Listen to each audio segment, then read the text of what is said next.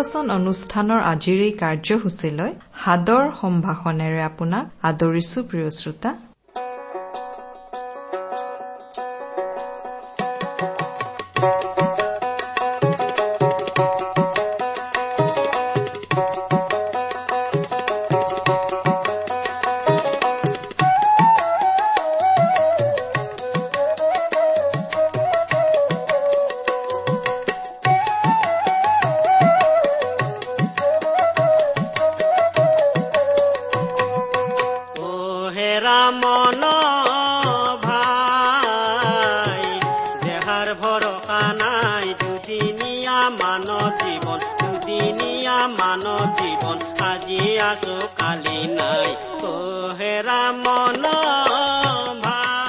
প্ৰিয় শ্ৰোতা আপুনি নিজকে খুব অকলশৰীয়া অসহায় অনুভৱ কৰিছে নেকি?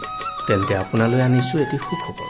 সেয়া হৈছে আপোনাৰ দুখ যাতনা কষ্ট যিমানেই বেদনাদায়ক হলেও প্ৰভু যীশুৱে আপোনাৰ লগ কেতিয়াও নেৰে তেওঁ সদায় আপোনাৰ সংগে সংগে আপোনাৰ পদে পদে আপোনাৰ সাৰথি হৈ লগতে থাকে। তেওঁক আপুনি যিকোনো পৰিস্থিতিত বিশ্বাস কৰিব পাৰে। তেওঁ লগত থকাত আপুনি কেতিয়াও অকলশৰীয়া আৰু অসহায় নহয়। আহক এবাৰ আকৌ আজি আমি নিজকে প্ৰস্তুত কৰোঁ। ঈশ্বৰৰ জীৱনময় বাক্যৰ শিক্ষামূলক অনুষ্ঠান ভক্তিবচন শুনিবলৈ। মাটিৰ দেহা মাটিত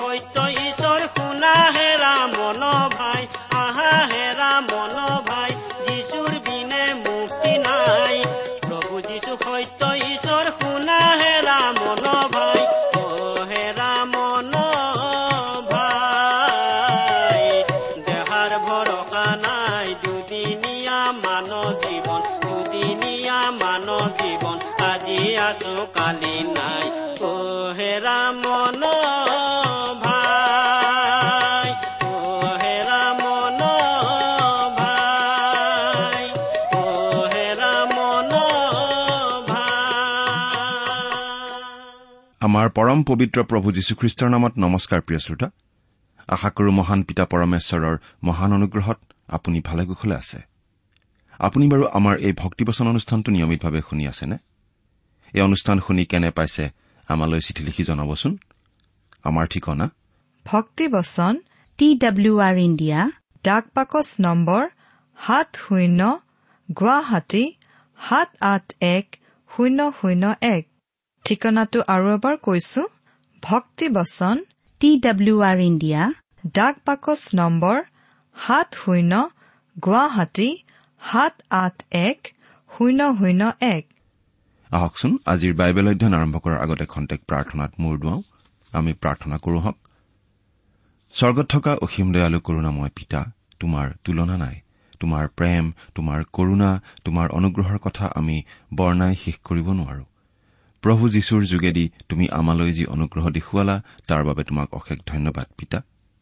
এতিয়া আমি তোমাৰ মহান বাক্য বাইবেল শাস্ত্ৰ অধ্যয়ন কৰিবলৈ আগবাঢ়িছো। তোমাৰ বাক্য তুমিয়েই আমাক বুজাই দিয়া। এই অনুষ্ঠানৰ আৰম্ভণিৰ পৰা শেষলৈকে তুমিয়েই আমাৰ চলাওঁতা হোৱা। অনুষ্ঠান শুনি থকা প্ৰতিজন শ্ৰোতাৰ জীৱনত তোমাৰ মহান অনুগ্ৰহৰ আশীৰ্বাদ প্ৰকাশ পাই উঠিবলৈ দিয়া। তেওঁলোকৰ জীৱন সৰ্বাংগ সুন্দৰ কৰি তোলা। কিয়নো এই প্ৰাৰ্থনা আমাৰ মহান ত্ৰাণকৰ্তা প্ৰভু যীশুখ্ৰীষ্টৰ নামত আগবঢ়ালো। আমেন।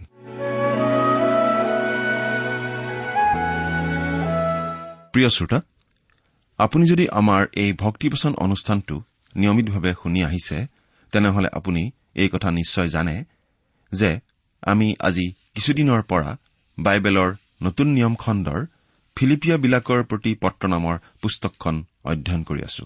নহয়নে বাৰু? যোৱা অনুষ্ঠানত আমি এই ফিলিপিয়া পত্ৰখনৰ প্ৰথমটো অধ্যায়ৰ একৈশ নম্বৰ পদলৈকে পঢ়ি আমাৰ অধ্যয়ন আগবঢ়াই নিছিলো। গতিকে আজিৰ অনুষ্ঠানত আমি এই ফিলিপিয়া পত্ৰখনৰ প্ৰথমটো অধ্যায়ৰ বাইশ নম্বৰ পদৰ পৰা আমাৰ অধ্যয়ন আৰম্ভ কৰিবলৈ ওলাইছো।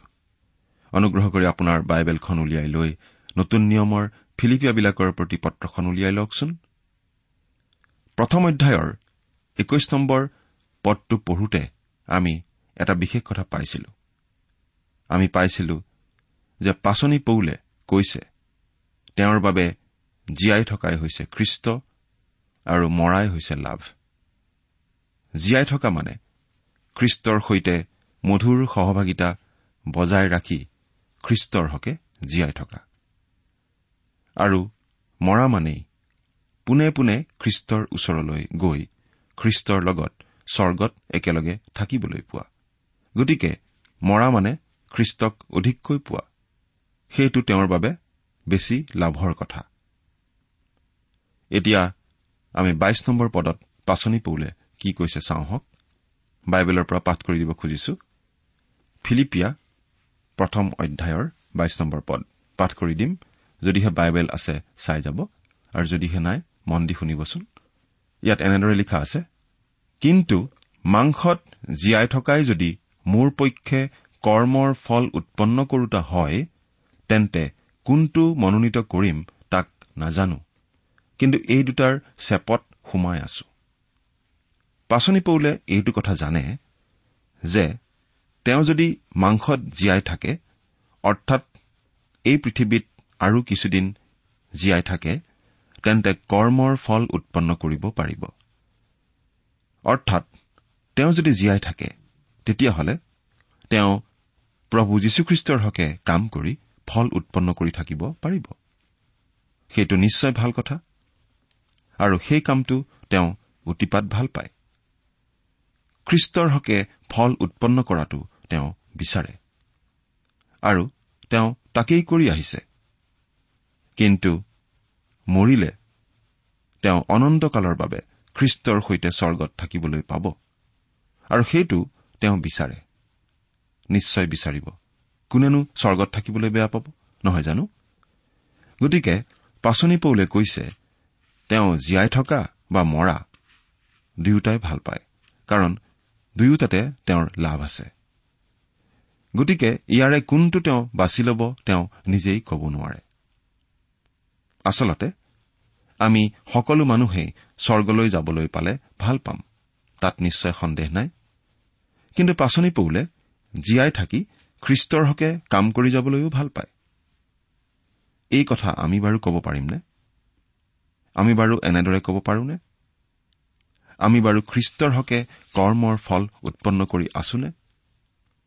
আমি যদি জীয়াই থাকো তেনেহলে আমি খ্ৰীষ্টৰ হকে কৰ্মৰ ফল উৎপন্ন কৰি থাকিব পাৰিম বুলি ক'ব পাৰোনে? যদি আমি ইমান দিনে খ্ৰীষ্টৰ হকে ফল উৎপন্ন কৰি আহিছো তেনেহলে ভৱিষ্যতেও কৰিব পাৰিম বুলি আশা কৰিব পাৰো। আৰু সেইবাবে পাচনি পৌলে তেনেদৰে ক'ব পাৰিছিল। কিন্তু দ্বিতীয়তে ইয়াত আৰু এটা কথা আছে। সেইটো কথা মন কৰকচোন। পাচনি পৌলে অতি দৃঢ়ভাৱে কবলৈ পাৰিছিল যে তেওঁ যদি মৰে তেন্তে তেওঁ খ্ৰীষ্টৰ লগত থাকিবলৈ পাব। স্বৰ্গলৈ যাব পাৰিব আৰু সেইটো তেওঁৰ বাবে লাভৰ বিষয় হ'ব। পাচনি পৌলৰ দৰে আমি বাৰু মৰিলে স্বৰ্গলৈ যাম বুলি দৃঢ়তাৰে ক'ব পাৰিমনে? ক'ব পাৰিবনে বাৰু আপুনি? যদিহে আমি প্ৰভু যীশুখ্ৰীষ্টত আশ্ৰয় লওঁ তেওঁক আমাৰ ত্ৰাণকৰ্তা বুলি গ্ৰহণ কৰো তেন্তে আমি সকলোৱে তেওঁৰ নামত পৰিত্ৰাণ লাভ কৰি স্বৰ্গলৈ যাম বুলি দৃঢ়ভাৱে ক'ব পৰা হওঁ। তেইছ আৰু চৌবিশ নম্বৰ পদ এতিয়া পাঠ কৰি দিছো। ইয়াৰ পৰা গৈ খ্ৰীষ্টৰ লগত থাকিবলৈ মোৰ ইচ্ছা। কিয়নো সেয়ে অতি অধিক গুণে উত্তম। কিন্তু তোমালোকৰ কাৰণে মাংসত থকাই অধিক প্ৰয়োজন। পাচনি পৌলে কৈছে যে তেওঁ দুমোজাত পৰিছে। স্বৰ্গলৈ গৈ খ্ৰীষ্টৰ সৈতে থাকিবলৈ তেওঁৰ ইচ্ছা। কাৰণ সেইটো তেওঁৰ বাবে অনেক গুণে উত্তম। কিন্তু তেওঁ পৃথিৱী এৰি যাবলৈও ইচ্ছা কৰা নাই। কাৰণ ফিলিপিয়া বিশ্বাসীসকলৰ তেওঁৰ প্ৰয়োজন আছে। তেওঁ ফিলিপিয়া বিশ্বাসীসকলক এৰি থৈ যাব খোজা নাছিল কাৰণ তেওঁলোকৰ প্ৰতি আৰু কৰিব লগা আছে বুলি তেওঁ ভাবিছিল। আৰু অনেক কৰিব লগা কাম তেওঁৰ নিশ্চয় আছিল। এবাৰ এগৰাকী বিখ্যাত বাইবেল শিক্ষক কেঞ্চাৰ ৰোগত ভুগি আছিল। তেওঁৰ অপাৰেশ্যন হৈছিল। এগৰাকী মহিলাই তেওঁলৈ লিখিছিল মহাশয় মই জানো যে আন সকলোৱে প্ৰাৰ্থনা কৰি আছে যাতে আপুনি সুস্থ হয়। কিন্তু মই প্ৰাৰ্থনা কৰি আছো যাতে প্ৰভুৱে আপোনাক লৈ যায় কাৰণ খ্ৰীষ্টৰ সৈতে স্বৰ্গত থাকিবলৈ পোৱাটো অধিক উত্তম। তেতিয়া সেই শিক্ষকগৰাকীয়ে মহিলাগৰাকীলৈ চিঠি লিখি পঠিয়াইছিল। মহাশয়া অনুগ্ৰহ কৰি কথাটো ঈশ্বৰকে নিষ্পত্তি কৰিবলৈ দিয়ক। মই এতিয়াই এই পৃথিৱী এৰি যাব নোখোজো। মই আৰু কিছুদিন এই পৃথিৱীত থাকি ঈশ্বৰৰ বাক্য বিলাব খোজো কাৰণ মোৰ ৰেডিঅ' অনুষ্ঠানৰ যি পৰিচৰ্যা সেই পৰিচৰ্যা এতিয়াহে ঠন ধৰি উঠিব ধৰিছে। মই এতিয়াই এৰি যাব খোজা নাই। মোক আৰু কিছুদিন এই পৰিচৰ্যা চলাই যাবলৈ দিলেই মই ঈশ্বৰক ধন্যবাদ দিম আৰু তাৰ বাবেই মই ঈশ্বৰক খাটি আছো। ঈশ্বৰে তেওঁক আৰু বহু বছৰ জীয়াই ৰাখিলে আৰু তেওঁ সেই কাম কৰি গ'ল। প্ৰিয় শ্ৰোতা পাচনি পৌলেও ঠিক একেদৰে ভাবিছিল। আমি ভাবো ঈশ্বৰৰ পৰিচৰ্যাত মন পুতি লাগি থকা বহুতো খ্ৰীষ্টীয় বিশ্বাসীয়েও ঠিক একেদৰেই ভাবিব। জীয়াই থাকো মানে খ্ৰীষ্টৰ কাম আমি কৰি যাবলৈ ইচ্ছা কৰাটো খ্ৰীষ্টক ভাল পোৱাৰ চিন নহয়নে বাৰু? এইখিনিতে এটা আমোদজনক ঘটনা আমাৰ মনত পৰিছে। এবাৰ এজন পালকে গীৰ্জাঘৰত কথা কৈ থাকোতে ৰাইজক এইবুলি সুধিলে আপোনালোকৰ কোনে কোনে স্বৰ্গলৈ যাবলৈ ইচ্ছা কৰে? অনুগ্ৰহ কৰি হাত দাঙক এজন সৰু ল'ৰাৰ বাহিৰে সকলো লোকেই হাত দাঙিলে। তেতিয়া সেই পালকজনে সেই ল'ৰাজনক সুধিলে কিয়? তুমি স্বৰ্গলৈ যাব নোখোজা নেকি? সৰু ল'ৰাটোৱে উত্তৰ দিলে নিশ্চয় যাব খোজো কিন্তু মই ভাবিলো আজি বহুত মানুহ একেলগে যাবলৈ ওলাইছে মই পাছত যাম। আমি নিশ্চয় স্বৰ্গলৈ যাবলৈ ইচ্ছা কৰো কিন্তু বহুতে এতিয়াই যাবলৈ ইচ্ছা নকৰো। বিভিন্ন কাৰণত। প্ৰিয় শ্ৰোতা আপুনি বাৰু এতিয়াই স্বৰ্গলৈ যাবলৈ পালে ভাল পাবনে? এবাৰ চিন্তা কৰি চাওকচোন। নে জগতৰ মায়া মোহে আপোনাক ধৰি ৰাখিছে? ভাবি চাওকচোন। পঁচিছ আৰু ছাব্বিছ নম্বৰ পদ দুটা পাঠ কৰি দিছো।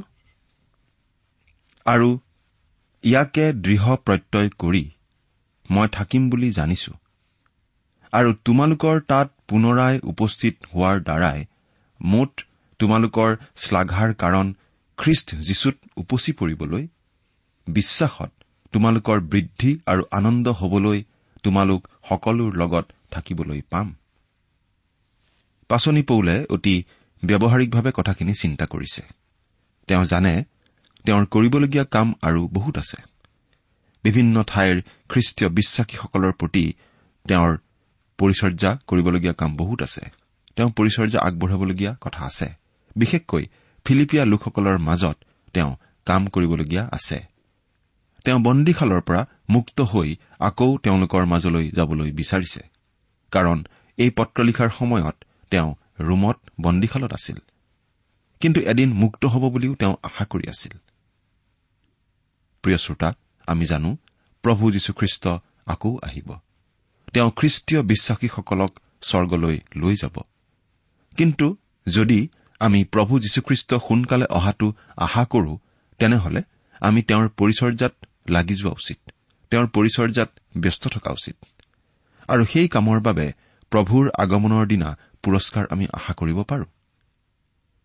এইখন মঞ্চতেই আমি কিবা নহয় কিবা অংশ ল'ব পাৰো। এই জীৱনতেই আমি প্ৰভু যীশুৰ কাৰণে কিবা নহয় কিবা কৰি প্ৰভুৰ পৰা প্ৰশংসা আদায় কৰিব পাৰো। এই পৃথিৱীত জীয়াই থকালৈকে এই সুবিধা আমাৰ হাতত আছে।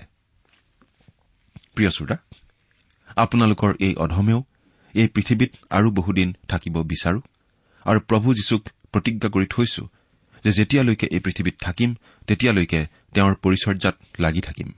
অৱশ্যে কিমান ভালদৰে তেওঁৰ পৰিচৰ্যা কৰিছো আমি ক'ব নোৱাৰো। কিন্তু তেওঁৰ পৰিচৰ্যাত হলে লাগি থাকি আমি ভাল পাওঁ। আপুনি বাৰু খ্ৰীষ্টৰ হকে কিবা কৰি আছেনে? তেওঁৰ কিবা সেৱাত লাগি আছেনে? চিন্তা কৰি চাওকচোন। সাতাইছ নম্বৰ পদ পাঠ কৰি দিব খুজিছো।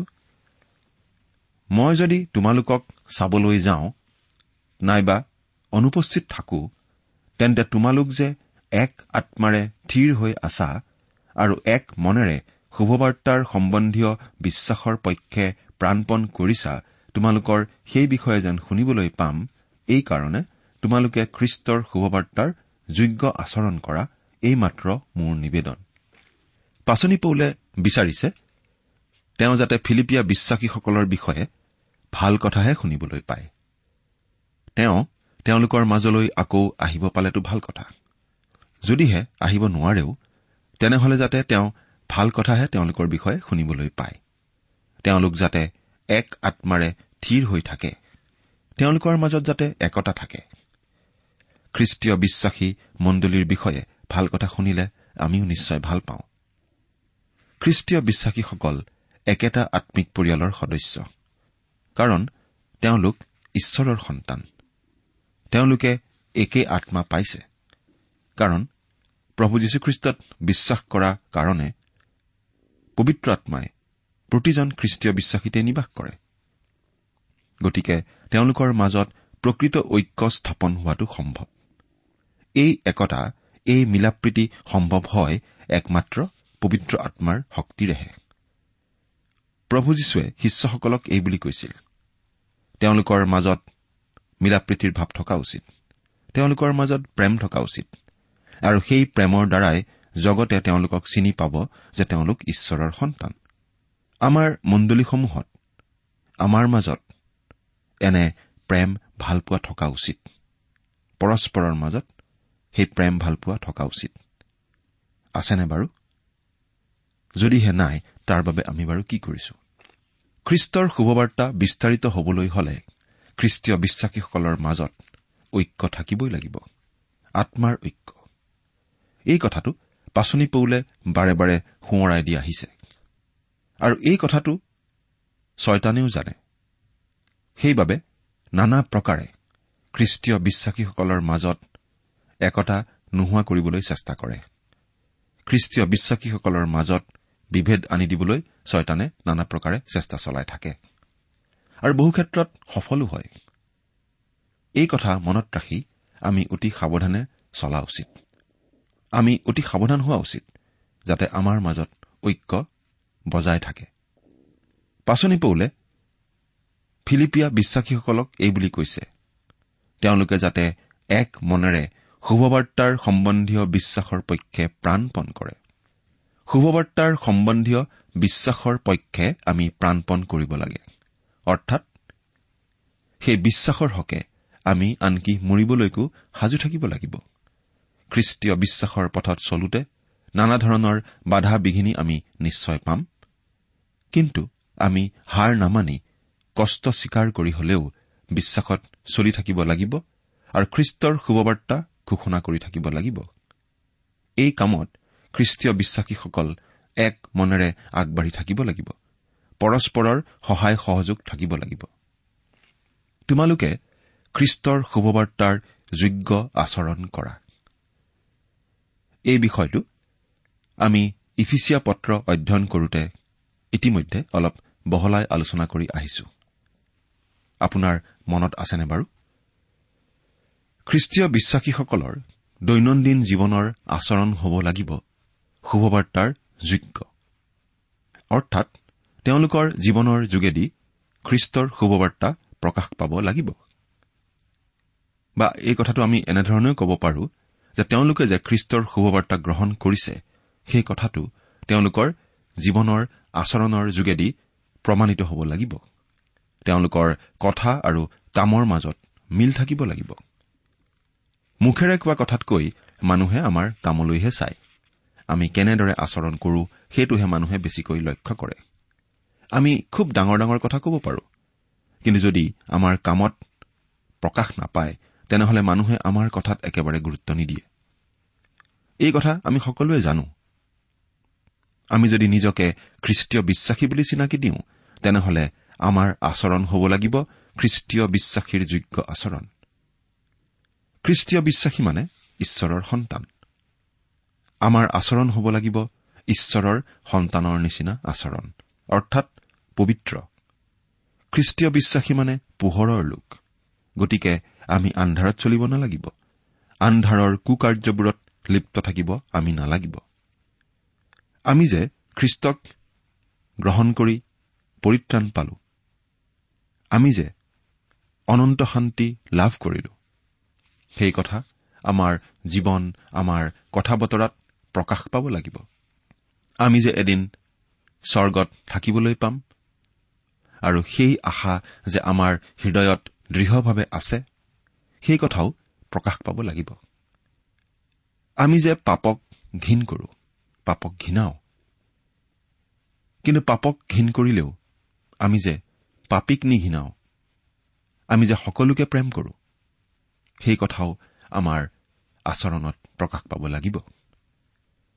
খ্ৰীষ্টীয় বিশ্বাসী হিচাপে আমি যে পবিত্ৰ আত্মাৰ মন্দিৰ আমাত যে পবিত্ৰ আত্মা নিবাস কৰে সেই কথাও প্ৰকাশ পাব লাগিব। আমাৰ জীৱনত পবিত্ৰ আত্মাৰ ফলবিলাক ফুটি উঠিব লাগিব। মুঠতে আমাৰ কথা বতৰা কাম কাজ আচাৰ ব্যৱহাৰ সকলোতে খ্ৰীষ্টৰ শুভবাৰ্তা প্ৰকাশ পাবই লাগিব। প্ৰিয় শ্ৰোতা এই কথাখিনি শুনি আপুনি হয়তো মনে মনে ভাবিছে এইটো বৰ টান কাম। এৰা আমি সহজ কাম বুলি কোৱা নাই। এনেদৰে জীৱন ধাৰণ কৰাটো সহজ কথা নহয়। আমি নিজৰ চেষ্টাৰে এনেকুৱা জীৱন যাপন কৰিব নিশ্চয় নোৱাৰো। কিন্তু পবিত্ৰ আত্মাৰ শক্তিৰে আমি এনেকুৱা এটা জীৱন যাপন কৰিব পাৰো। তাৰ বাবে আমি পবিত্ৰ আত্মাক আমাৰ জীৱনত কাম কৰিবলৈ সুবিধা দিব লাগিব। এতিয়া আমি আঠাইছ নম্বৰ পদৰ পৰা ত্ৰিশ নম্বৰ পদলৈকে পাঠ কৰি দিব খুজিছো। তোমালোকে বিৰুদ্ধীবিলাকৰ কাৰণে কোনো বিষয়ত ত্ৰাসযুক্ত নহবা। সেয়ে তেওঁবিলাকৰ অৰ্থে বিনাশৰ কিন্তু তোমালোকৰ অৰ্থে ঈশ্বৰৰ পৰাই পৰিত্ৰাণৰ প্ৰমাণ হয়।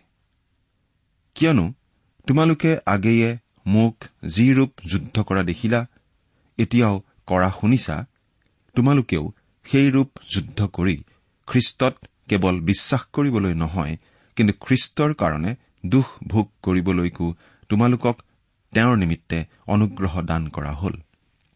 খ্ৰীষ্টীয় বিশ্বাসীসকলৰ বিৰুদ্ধী লোক থাকিবই। এই কথাটো বাইবেলত বাৰে বাৰে আমাক সোঁৱৰাই দিয়া হৈছে। কিন্তু আমাক এই বুলি সোঁৱৰাই দিয়া হৈছে যে আমি বিৰোধীসকলৰ প্ৰতি ভয় খাব নালাগে। তেওঁলোকৰ পৰা আমি ভয় খাব নালাগে। আচলতে এই বিৰোধী লোকসকল যে বিনাশৰ পাত্ৰ আৰু বিশ্বাসীসকল যে পৰিত্ৰাণৰ পাত্ৰ সেই কথাটো প্ৰমাণ কৰিবলৈকে ঈশ্বৰে সেই বিৰোধীসকলৰ হাতত খ্ৰীষ্টীয় বিশ্বাসীসকলক কষ্ট ভুগিবলৈ এৰি দিয়ে। এই কথাটো বিশেষভাৱে মন কৰক। যে খ্ৰীষ্টীয় বিশ্বাসী লোকসকলক বিৰোধিতা কৰা অত্যাচাৰ কৰা যিসকল লোক আছে সেই লোকসকলে আচলতে নিজৰ কামৰ যোগেদিয়েই নিজকে বিনাশৰ পাত্ৰ বুলি ঈশ্বৰ বিৰোধী বুলি চিনাকি দিয়ে। নিজৰ প্ৰমাণ তেওঁলোকে নিজেই দিয়ে। আৰু এইটো পাচনি পৌলৰ দিনৰ পৰাই চলি আহিছে। আৰু এনেকুৱা কথা আজিও চলি আছে বুলি আমি ক'ব পাৰোঁ। এইখিনিতে প্ৰভু যীশুৱে কোৱা কথা এষাৰ আমি মনত পেলাব খুজিছো। প্ৰভু যীশুৱে এনেদৰে কৈছিল। তেওঁ শিষ্যসকলৰ আগত কৈছিল যিজন আমাৰ বিপক্ষ নহয় তেওঁ আমাৰ সপক্ষ।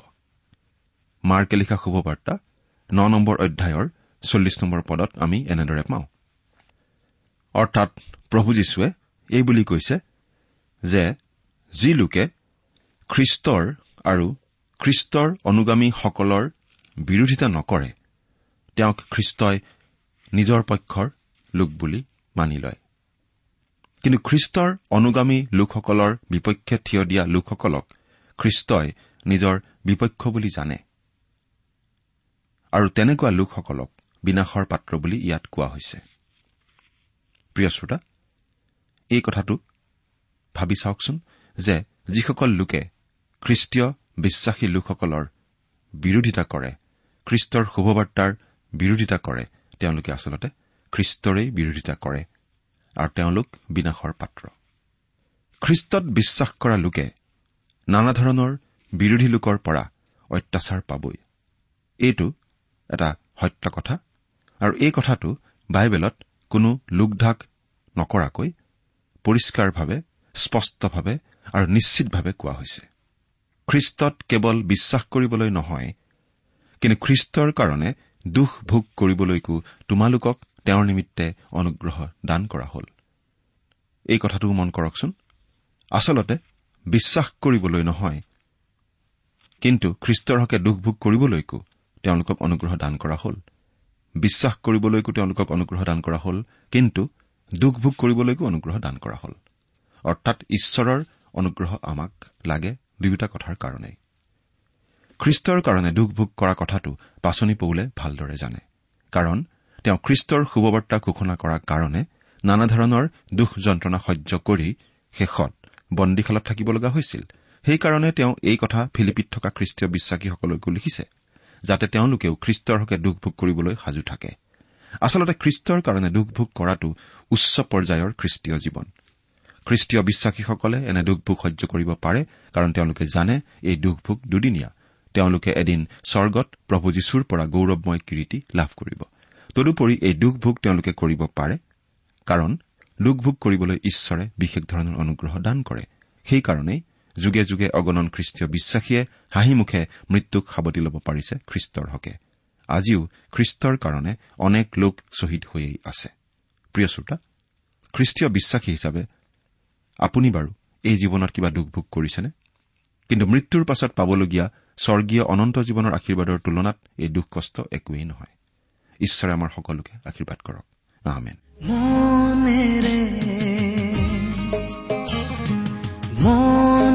প্ৰিয় শ্ৰোতা ইমান পৰে আপুনি বাইবেল শাস্ত্ৰৰ পৰা ঈশ্বৰৰ বাক্য শুনিলে। এই বিষয়ে আপোনাৰ মতামত জানিবলৈ পালে আমি নথৈ আনন্দিত হ'ম। আমি প্ৰস্তুত কৰা বাইবেল অধ্যয়নৰ চিডিসমূহ পাব বিচাৰিলে আৰু অনুষ্ঠানত প্ৰচাৰ কৰা কোনো কথা বুজিব লগা থাকিলেও আমালৈ লিখক। আমাৰ যোগাযোগৰ ঠিকনা ভক্তিবচন ট্ৰান্সপল ৰেডিঅ' ইণ্ডিয়া ডাক বাকচ নম্বৰ সাত শূন্য গুৱাহাটী সাত আঠ এক শূন্য শূন্য এক। ঠিকনাটো আকৌ এবাৰ কৈছো ভক্তিবচন ট্ৰান্সৱৰ্ল্ড ৰেডিঅ' ইণ্ডিয়া ডাক বাকচ নম্বৰ সাত শূন্য গুৱাহাটী সাত আঠ এক শূন্য শূন্য এক। আমাৰ ইমেইল এড্ৰেছটো হৈছে Assamese T TV at the rate radio' eight eight two dot com আমাৰ website W W W dot T W R dot in আপুনি টেলিফোনৰ মাধ্যমেৰেও আমাক যোগাযোগ কৰিব পাৰে। আমাৰ টেলিফোন নম্বৰটো হৈছে nine eight five four zero' four zero' eight eight nine. Phone নম্বৰটো আকৌ এবাৰ কৈছো ন আঠ পাঁচ চাৰি শূন্য চাৰি শূন্য আঠ আঠ ন। আপুনি এই ভক্তিবচন অনুষ্ঠানটি আমাৰ website W W W dot radio' eight eight two dot কমতো শুনিব পাৰিব। আজিৰ অনুষ্ঠানটি ইমানতেই সামৰিছো। ঈশ্বৰৰ শান্তি আৰু অনুগ্ৰহ আপোনাৰ লগত থাকক। ধন্যবাদ।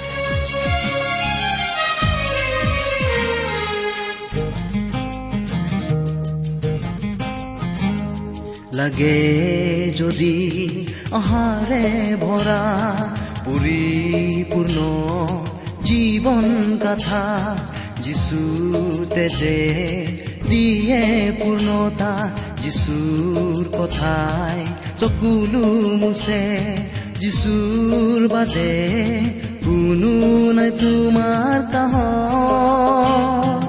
মনেৰে তুমি ভাবিছানে কোনো নাই কুতুমৰ কতো নাই জগতৰ যিচুৰ বাদে কোনো নাই। কোনো নাই কুতুমৰ কতো নাই জগতৰ যিচুৰ বাদে কোনো নাই। যিচুৰ বাদে কোনো নাই। যিচুৰ বাদে কোনো নাই